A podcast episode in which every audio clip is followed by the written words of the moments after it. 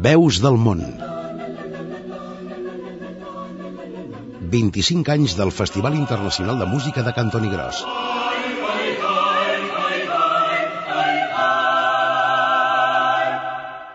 Amb Anna Jové i Albert Torrents. És un plaer tornar a ser amb tots vosaltres, disposats a compartir una nova estona de la nostra programació per celebrar un cop més el 25è aniversari del Festival Internacional de Música de Cantoni Gros i escoltar una, no una nova selecció de la millor música coral. Benvinguts, doncs, a Veus del Món, un programa que fem possible Dani Jiménez i Eduard Arnàs al control tècnic i Anna Jové i Albert Torrents a la redacció i al davant dels micròfons. Avui volem centrar el nostre espai en el repàs de les composicions corals d'autors catalans que al llarg dels anys han estat obres d'interpretació obligada per part de tots els cors que han participat al Festival de Cantoni Gros. La preparació d'una obra obligatòria forma part de les bases de molts concursos, no només corals. Es tracta, sens dubte, d'una mesura que facilita enormement la comparació entre els diversos participants i, per tant, la justificació de l'assignació d'uns premis. En el cas de Cantoni Gros, on les competicions s'estructuren en cinc categories, cors mixtos, infantils, femenins, competició de música popular i grups de dansa, l'organització va decidir des de la primera edició del festival que l'obra d'interpretació obligada en almenys una de les competicions fos d'un autor català, D'aquesta manera s'aprofitava la presència durant quatre dies a Catalunya de centenars de cantaires estrangers per donar-los a conèixer la música del nostre país. Josep Maria Busquets, president del festival. Hem volgut que a través de les, de les competicions aquestes donguessin a conèixer obres dels nostres compositors i les nostres obres tradicionals. Això fa que sempre de les obres obligades eh, una de les especialitats, les tenim els cors mixtos, cors femenins, els cors de nens, una de, en una d'aquestes competicions sempre hi hagi l'obra d'un autor català o d'una obra tradicional catalana.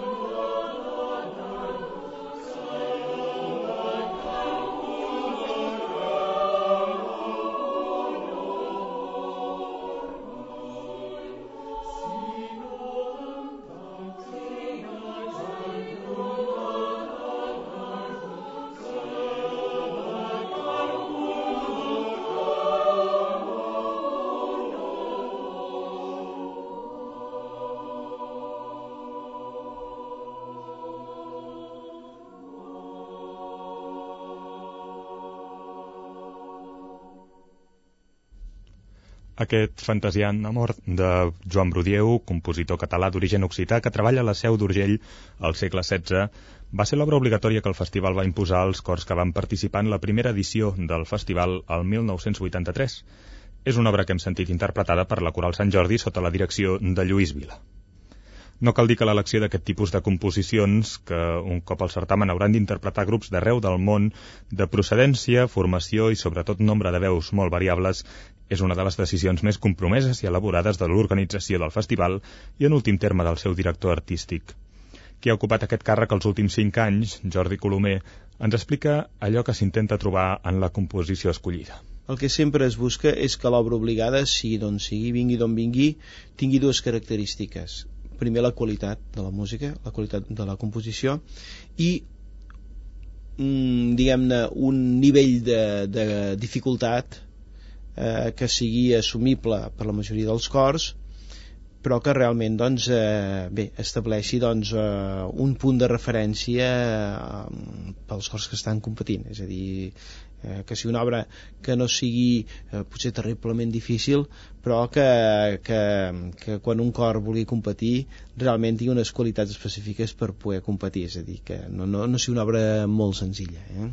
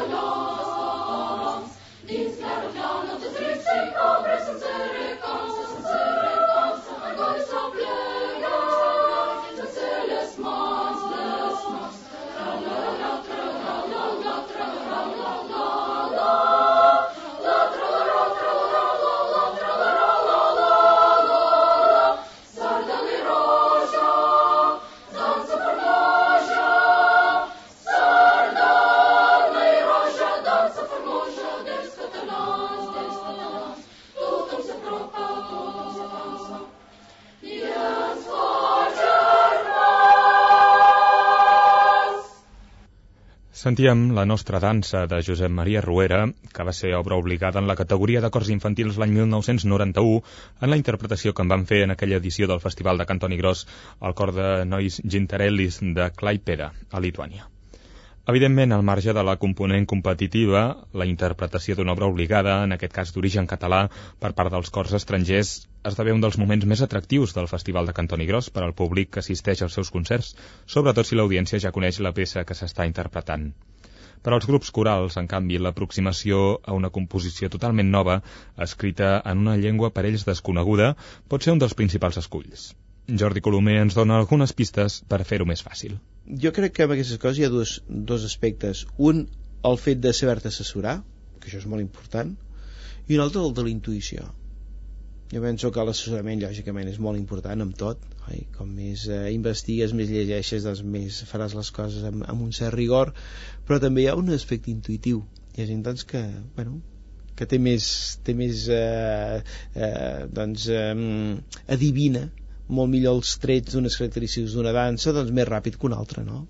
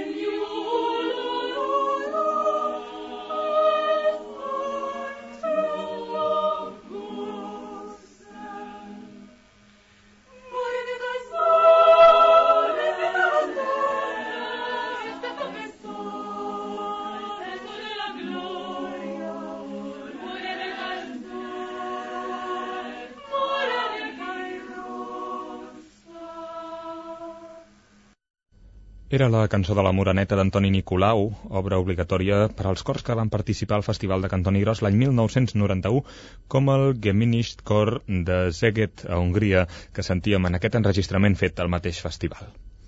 Amb el temps, els cors han anat aprenent tècniques i recursos per fer més fàcil la preparació d'aquesta obra d'interpretació obligada. Això és el que ens amplia Anna Jové en el reportatge d'avui del Veus del Món.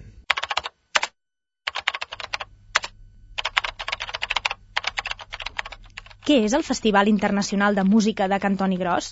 On se situa Cantoni Gros? I la comarca d'Osona? Quina llengua es parla a Catalunya? Quins són els costums dels catalans? Avui en dia, les respostes a tots aquests dubtes es troben davant de l'ordinador.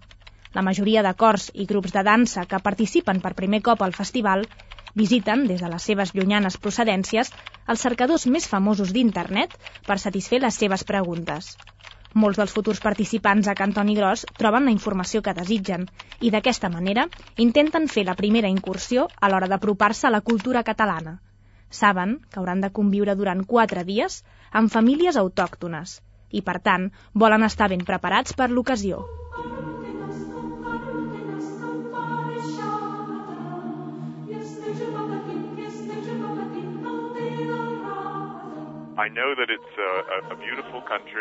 Sé que és un país preciós i que té una gran història marcada per un període difícil on la seva llengua va ser prohibida. Però a part de la història, també és un país carregat de folklore, tradició i bona gastronomia. Tota aquesta informació l'he trobat a internet a través de Google, Wikipedia i altres cercadors d'aquest estil. From Google, Wikipedia, sites like that. Cataluña es una zona muy especial, tanto la tierra como la gente de esta zona. Son muy amables y, y divertidas. Mm, también, pues, sa sabemos aquí se hace una ciudad muy importante, ¿no? Barcelona, una ciudad increíble, bonita. La cultura y uh, Antoni Cauti, etcétera, pues son, son muy famosos. Bueno, yo he viajado, yo he estado en Barcelona anteriormente, así que em, para mí es un poco volver a casa. Yo soy de Buenos Aires y Barcelona me hace acordar mucho a Buenos Aires, así que me encanta. Y hay algunos del coro, yo, yo diría que hay mucha gente que no ha ido, pero de- debe haber algún uh, cuatro o cinco que han conocido también anteriormente, así que seguramente la gente está leyendo mucho, eh, informándose todo lo que puede.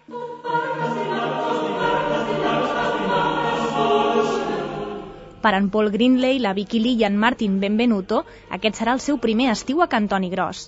El cor infantil del Canadà Calgary Boys Choir, el taiwanès Earth Choir i el nord-americà Woman Sing de Califòrnia prendran part per primera vegada al certamen musical del poble usonenc. Tenim moltes ganes d'escoltar els altres cors i veure actuar els grups de dansa que participen al Festival de Cantoni Gros. També tenim ganes de rebre l'hospitalitat de la gent de la comarca. Hospitality the region. Muy divertido, ¿no? Eh, y muy internacional. Solo queremos mantener una actitud natural, ampliar nuestra vista de, de este mundo, etcétera. Un poco vamos, estamos eh, basándonos en, lo- en la experiencia de, de otros, ¿no? Así que yo te- lo tengo entendido como un festival muy eh, eh, bastante grande, con, con mucha actividad internacional, lo cual nos interesa, lo que nos, nos va a exponer a muchos distintos grupos de, de muchas partes, lo cual siempre es enriquecedor y ya sean coros femeninos o no, tenemos nosotros participar- participaremos por supuesto en la categoría de coro femenino y bueno eso eh, tenemos nosotros hace poquito colaboramos con un coro americano también de acá de Seattle al norte nuestro que vino de visita en marzo que habían estado en Cantoni Gross en 90, en el 95 así que bueno nos contaban un poco ellos de su experiencia y demás así que tenemos tenemos tenemos referencias digamos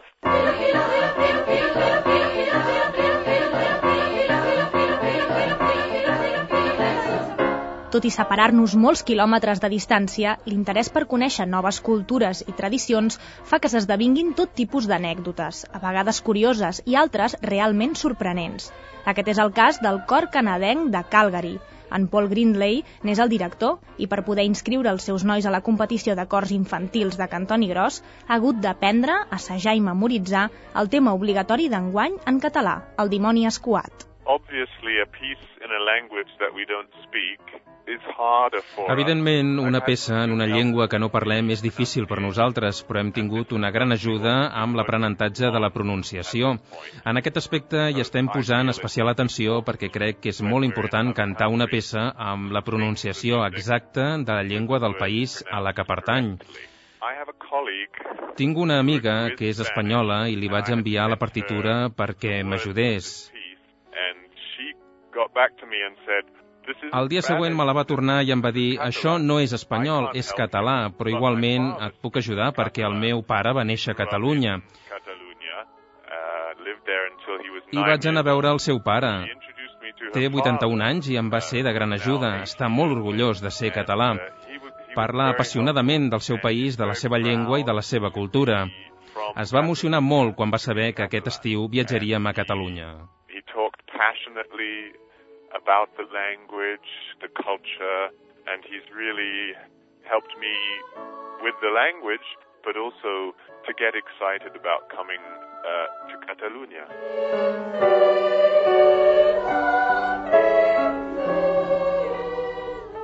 Josep Ramon Morros és la persona que ha ajudat en Pol a l'hora de conèixer la pronunciació exacta de la lletra. La seva infància la va passar a Catalunya i, malgrat viure des de fa molts anys al Canadà, encara parla i escriu perfectament el català.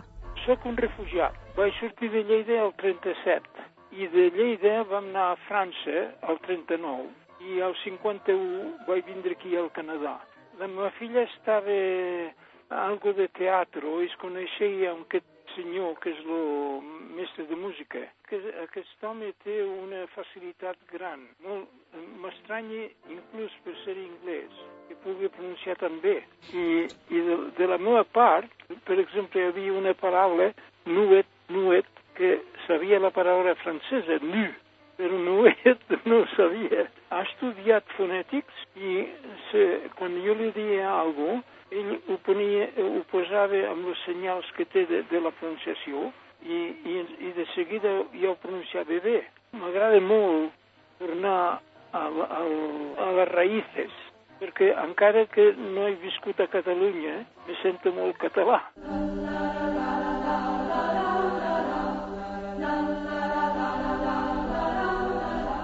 En una situació similar a la d'en es troba la Vicky Lee. És membre de la coral taiwanesa de nens Earth Choir i per aprendre a pronunciar la lletra del dimoni escuat correctament també ha hagut de fer un treball de camp important i assajar fons per aconseguir el nivell de qualitat desitjat. Sí, sí, sí, ya, ya estamos en ello. Es, están practicando eh, las pronunciaciones eh, y la directora eh, intenta que, que se mem memorice pues lo más posible en una se semana y luego ensayamos eh, la, la, la, melodía, eso, la danza, etcétera. El único problema sería pues la pronunciación de catalán. Entonces um, trabajamos mucho en, en practicar eh, en, en practicar las pronunciaciones y las letras, los significados eso, pero el eh, pero la melodía está bien, eh, no, no hay problema. Aquí en, en Taiwán, en una universidad provincial de, Taiwán, pues hay uh, un departamento de español uh, y allí hay profesor eh, que es de Barcelona. Entonces nos hemos ido a consultar que, y nos enseñaba un poco la pronunciación y la grabamos eh, y eh, imitamos la, la pronunciación.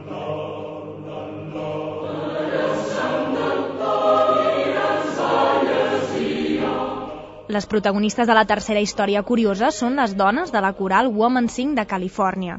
En Martin Benvenuto n'és el director i, malgrat no tenir una obra obligada en català en cap de les competicions a les que s'han inscrit, també han tingut un contacte molt directe amb la cultura catalana. Nosotros tenemos un, cuando una, una, fiesta donde, en la cual recaudamos fondos para, para las actividades del año. Entonces siempre le tenemos un, le ponemos algún eh, nombre, digamos, una temática que tenga algo que ver con nuestra temporada. Y, y bueno, entonces como teníamos este, este viaje planeado, era, era una buena opción eh, investigar un poco el, el tema catalán, catalán en general, así que fue fue muy lindo. Nos llamamos baile de máscaras para darle un poco un toque de, misterio. Entonces la gente podía usar máscaras o no.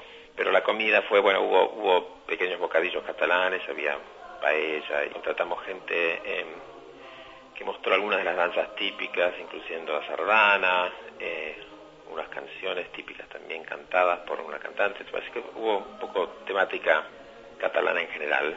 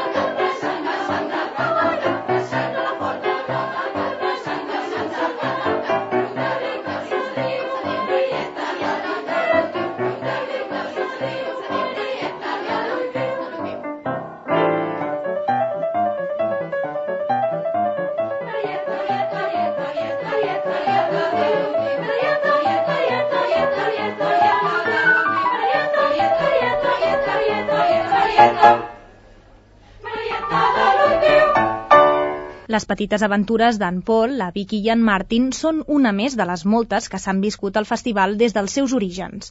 El fet que des del 1983 hi hagi una obra obligada en català en qualsevol de les categories fa que el certamen coral de Cantoni Gros esdevingui també un instrument per la difusió de la cultura popular catalana i de la música coral del país.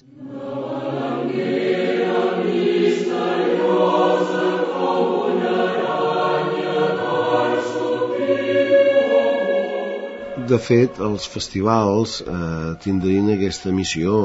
Fem una convocatòria d'un festival internacional a Cantonegros, que vol dir fer venir una sèrie de corals aquí a Catalunya, mm, en tant en quant això és una llavor d'un intercanvi. Fa que hi ha gent que ve a Catalunya i que per tant se n'endurà una impressió, però també eh, alhora perquè ha arribat a uns acords previs des de saber allà on aniran, doncs aquest és un país amb unes determinades característiques i també mm, a part del repertori que vulguin presentar en aquest festival, l'obligació que s'imposen de preparar algunes peces a requeriment de l'organització, de les quals mm, algunes d'aquestes formen part del repertori de la nostra cançó popular.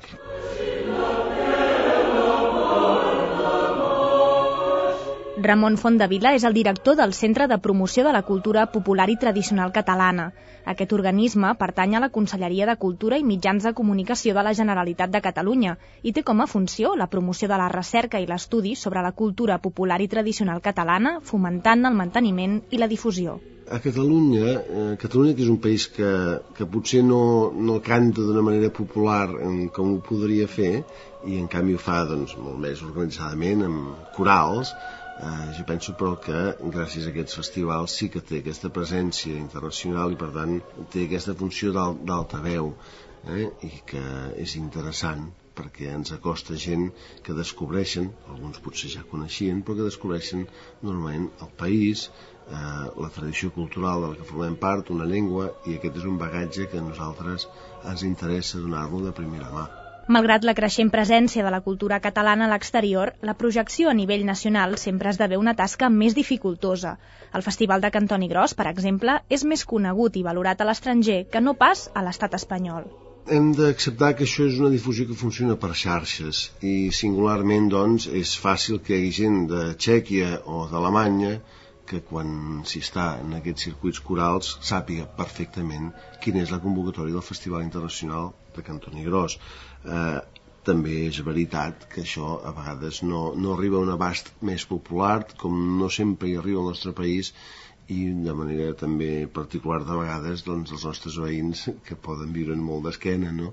però pot, eh, hi, ha, hi ha aquest factor, aquest factor del, del circuit de, de coral, que és el que està molt al cas, i que també hem de fer entre tots un esforç perquè precisament productes, apostes com el Festival Internacional de Cantoni Gros arribin a molta gent, és a dir, que no hi hagi gent que cregui que aquella és una proposta que no va per ells, aquesta és una proposta absolutament oberta i a la qual hi pot participar com a públic, tothom és capaç o pot ser candidat eh, aquest estiu doncs, arribar a Cantoni Gros i participar en aquests festivals.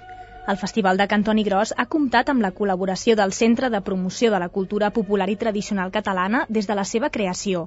De fet, l'intercanvi cultural i la universalitat del certamen ha estat sempre molt valorat per l'organisme institucional. Aquesta proposta que ara precisament que arriba als 25 anys és un símptoma de propostes ambicioses que el país necessita tenir perquè si no podríem arribar a creure'ns allò de que la nostra és una cultura de segona divisió, que juga una lliga interna dins de l'Estat i que per tant portes en fora mm, no és una responsabilitat nostra. Tot el contrari, ens convenen iniciatives d'aquest volum que són ambicioses, que superen fronteres, que fa que l'intercanvi sigui real, amb gent que ens ve a veure, fan aquesta funció d'ambaixadors i que fa que molta gent conegui a vegades per primera vegada que som un país, tenim una llengua, una cultura, una tradició i aquesta experiència, mm, quan els grups tornen, mm, és una experiència inesborrable, és a dir, que en definitiva eh, anem guanyant complicitats que em penso que les necessitem totes.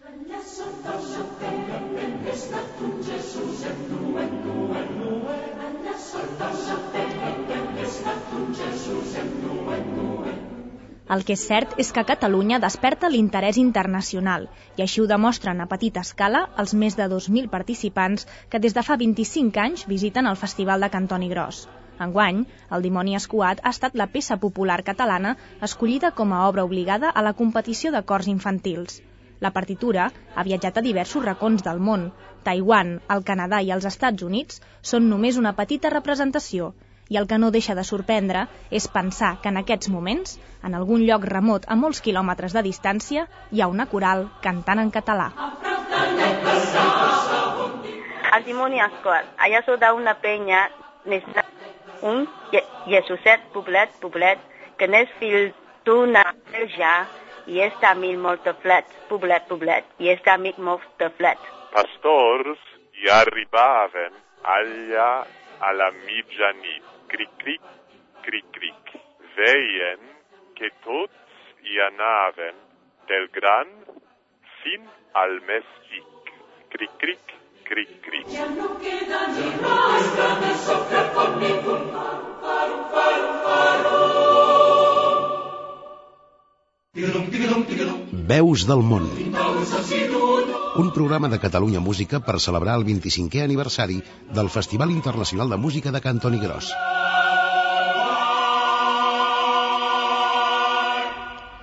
D'ençà de la primera edició, la presència d'obres de compositors catalans entre les peces d'interpretació obligada al Festival de Cantoni Gros ha estat una constant. L'any 1994, any que la cita arribava a la dotzena edició, el festival va convocar un concurs de composició coral, l'obra guanyadora del qual s'establiria com a interpretació obligada en el següent festival. A més, però, la convocatòria va permetre a l'organització disposar d'un fons d'obres que s'han anat programant en anys posteriors. D'aquesta manera va ser com Frederic Uller va rebre l'encàrrec de compondre la cançó del goig perdut a partir d'un poema de Josep Carné, que va ser l'obra obligada en la categoria d'acords mixtos l'any 1997. Uh, L'origen d'aquesta peça és quan jo estava fent el, diria que el darrer curs de composició amb el Josep Soler, aquí al Conservatori de Badalona, i va ser com mica un repte que ell em va llançar, ell em va dir escolta, a veure, tu que t'agrada la música coral, que dirigeixes cors i tal, i a veure si em fas una cosa molt, molt, molt senzilla, però que tingui alhora bastant d'interès, una cosa, quatre veus mixtes, que pugui fer un cor eh, normalet d'aquí a Catalunya, i, i que, bueno, que, que es pugui justificar un interès com a deure de composició en l'últim curs i tot això. I llavors em va explicar, mira, perquè justament això és el que diu les bases d'aquest concurs, que Antoni Gros i tal i qual. El següent va ser trobar un text que em convencés i bueno, va ser qüestió de començar a llegir literatura, buscar també una cosa d'estructura simple. Llavors, eh, bueno, llegint antologies de poesia catalana vaig trobar aquest, aquesta poesia de Carné, cançó del goig perdut, que em va semblar que pel tipus de rima, pel tipus de llenguatge, era molt fàcilment musicable. I a partir d'aquí doncs, va néixer una mica la, la cançó del goig perdut, del qual, no sé, potser és del que estic més content de tot el que he escrit. Evidentment, Frederic Ullés va haver d'ajustar a les bases que contemplava la convocatòria del concurs, de manera que les obres complissin els requisits que ens explicava Jordi Colomer al principi del nostre programa d'avui. Jo això sí que ho vaig fer molt en compte jo quan vaig escriure aquesta cançó, és a dir, el que deia del Josep Soler que em va dir, no, no, és una cosa senzilla, doncs, bueno, vaig fer eh, estrictament a quatre veus, menjo un acord que me'n sortien cinc i que, bueno, vaig, vaig gosar posar aquest divisi, però per l'altre és tremendament tonal i tremendament senzilla. I tot i així l'he sentit molt ben cantada i no tan ben cantada, no? Vull dir que em sembla que també val, també val, no?, com això.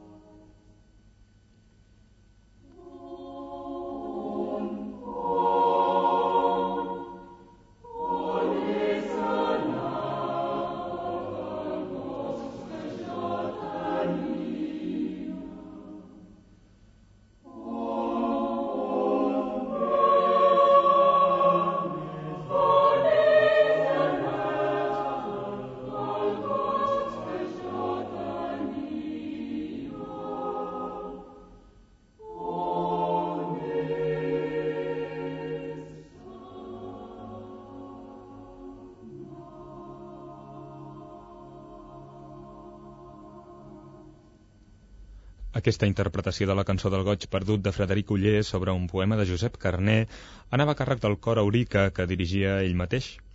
L'any 1997, però, la cançó del goig perdut va ser interpretada per cors d'arreu del món, entre els quals el guanyador va ser el grup filipí The Hymning Singers de la ciutat de Davao. D'aquesta manera, Cantoni Gros complia una vegada més el seu paper de tornaveu de la música catalana. Frederic Uller. Jo trobo que els concursos són un gran aparador i i de fet eh, tots ens n'hem beneficiat, és a dir, jo gràcies al concurs de Cantoni Gros he sentit la meva música cantada per cors argentins, filipins, alemanys, polonesos i d'altres països, no? I, I a vegades quan vas per internet i trobes que, que te l'han cantat, doncs això que et deia per Sud-amèrica o així, doncs, bueno, la il·lusió és fantàstica, no? Vull dir que és una plataforma de, diguem, per extendre la teva música, jo, com a compositor, magnífica. De la trompa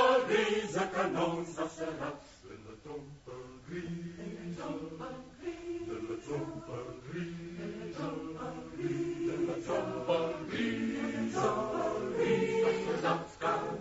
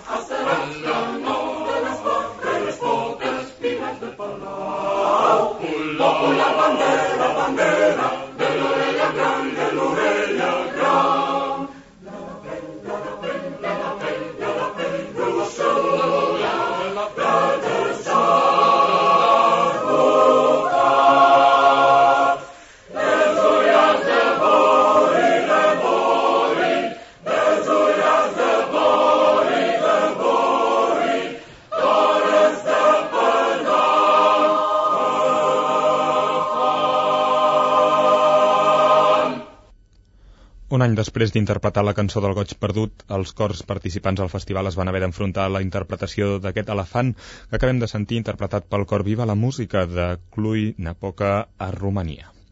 L'elefant és un fragment de l'harmonització que Manuel Oltra va fer del bestiari de Pere IV.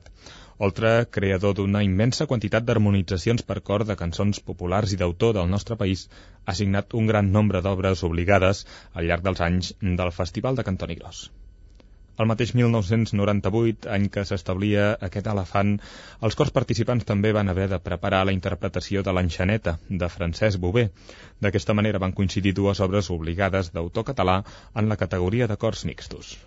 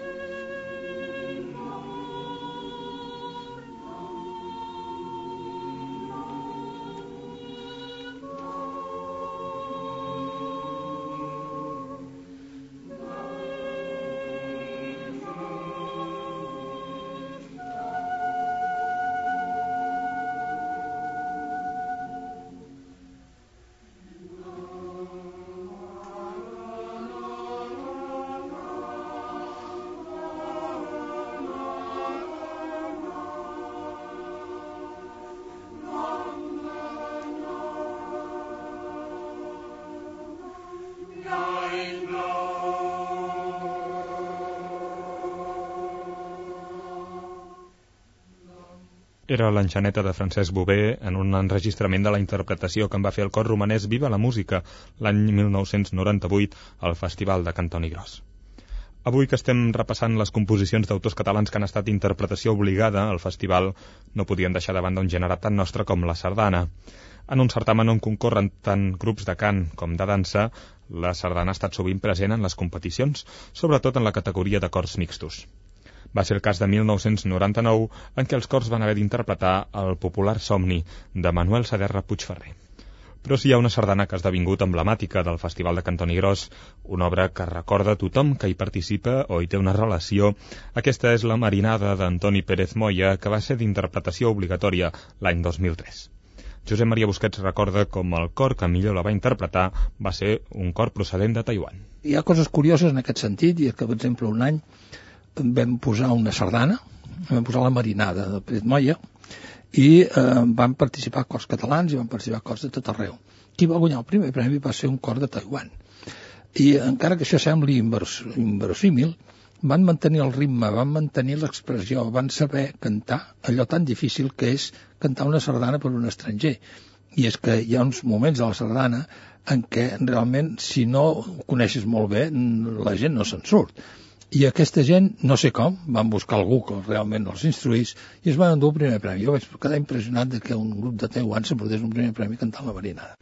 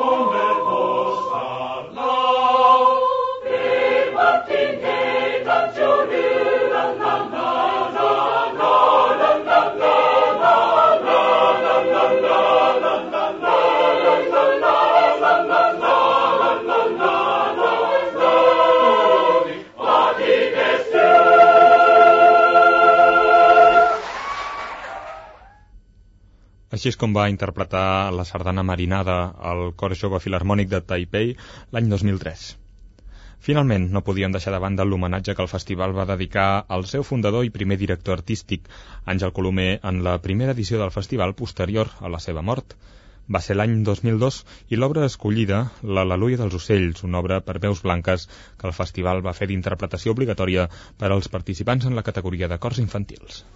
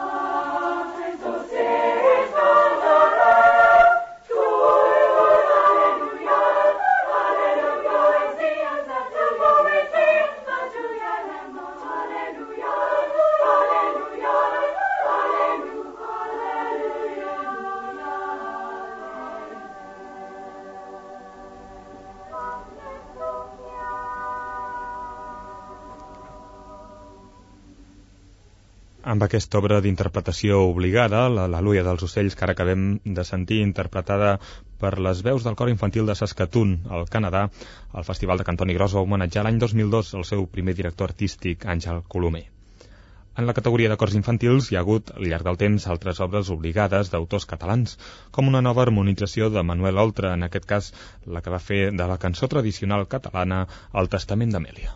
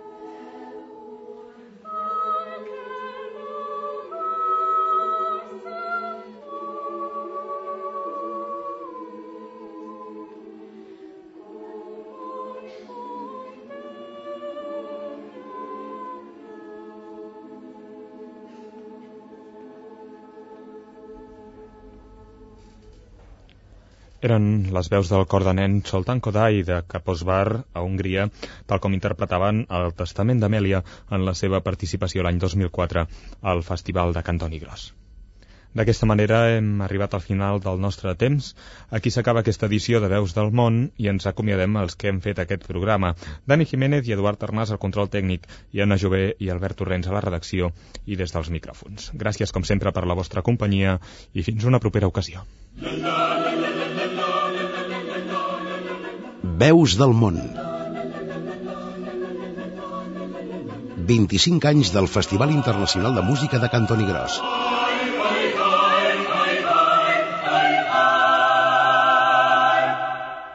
amb Anna Jové i Albert Torrents.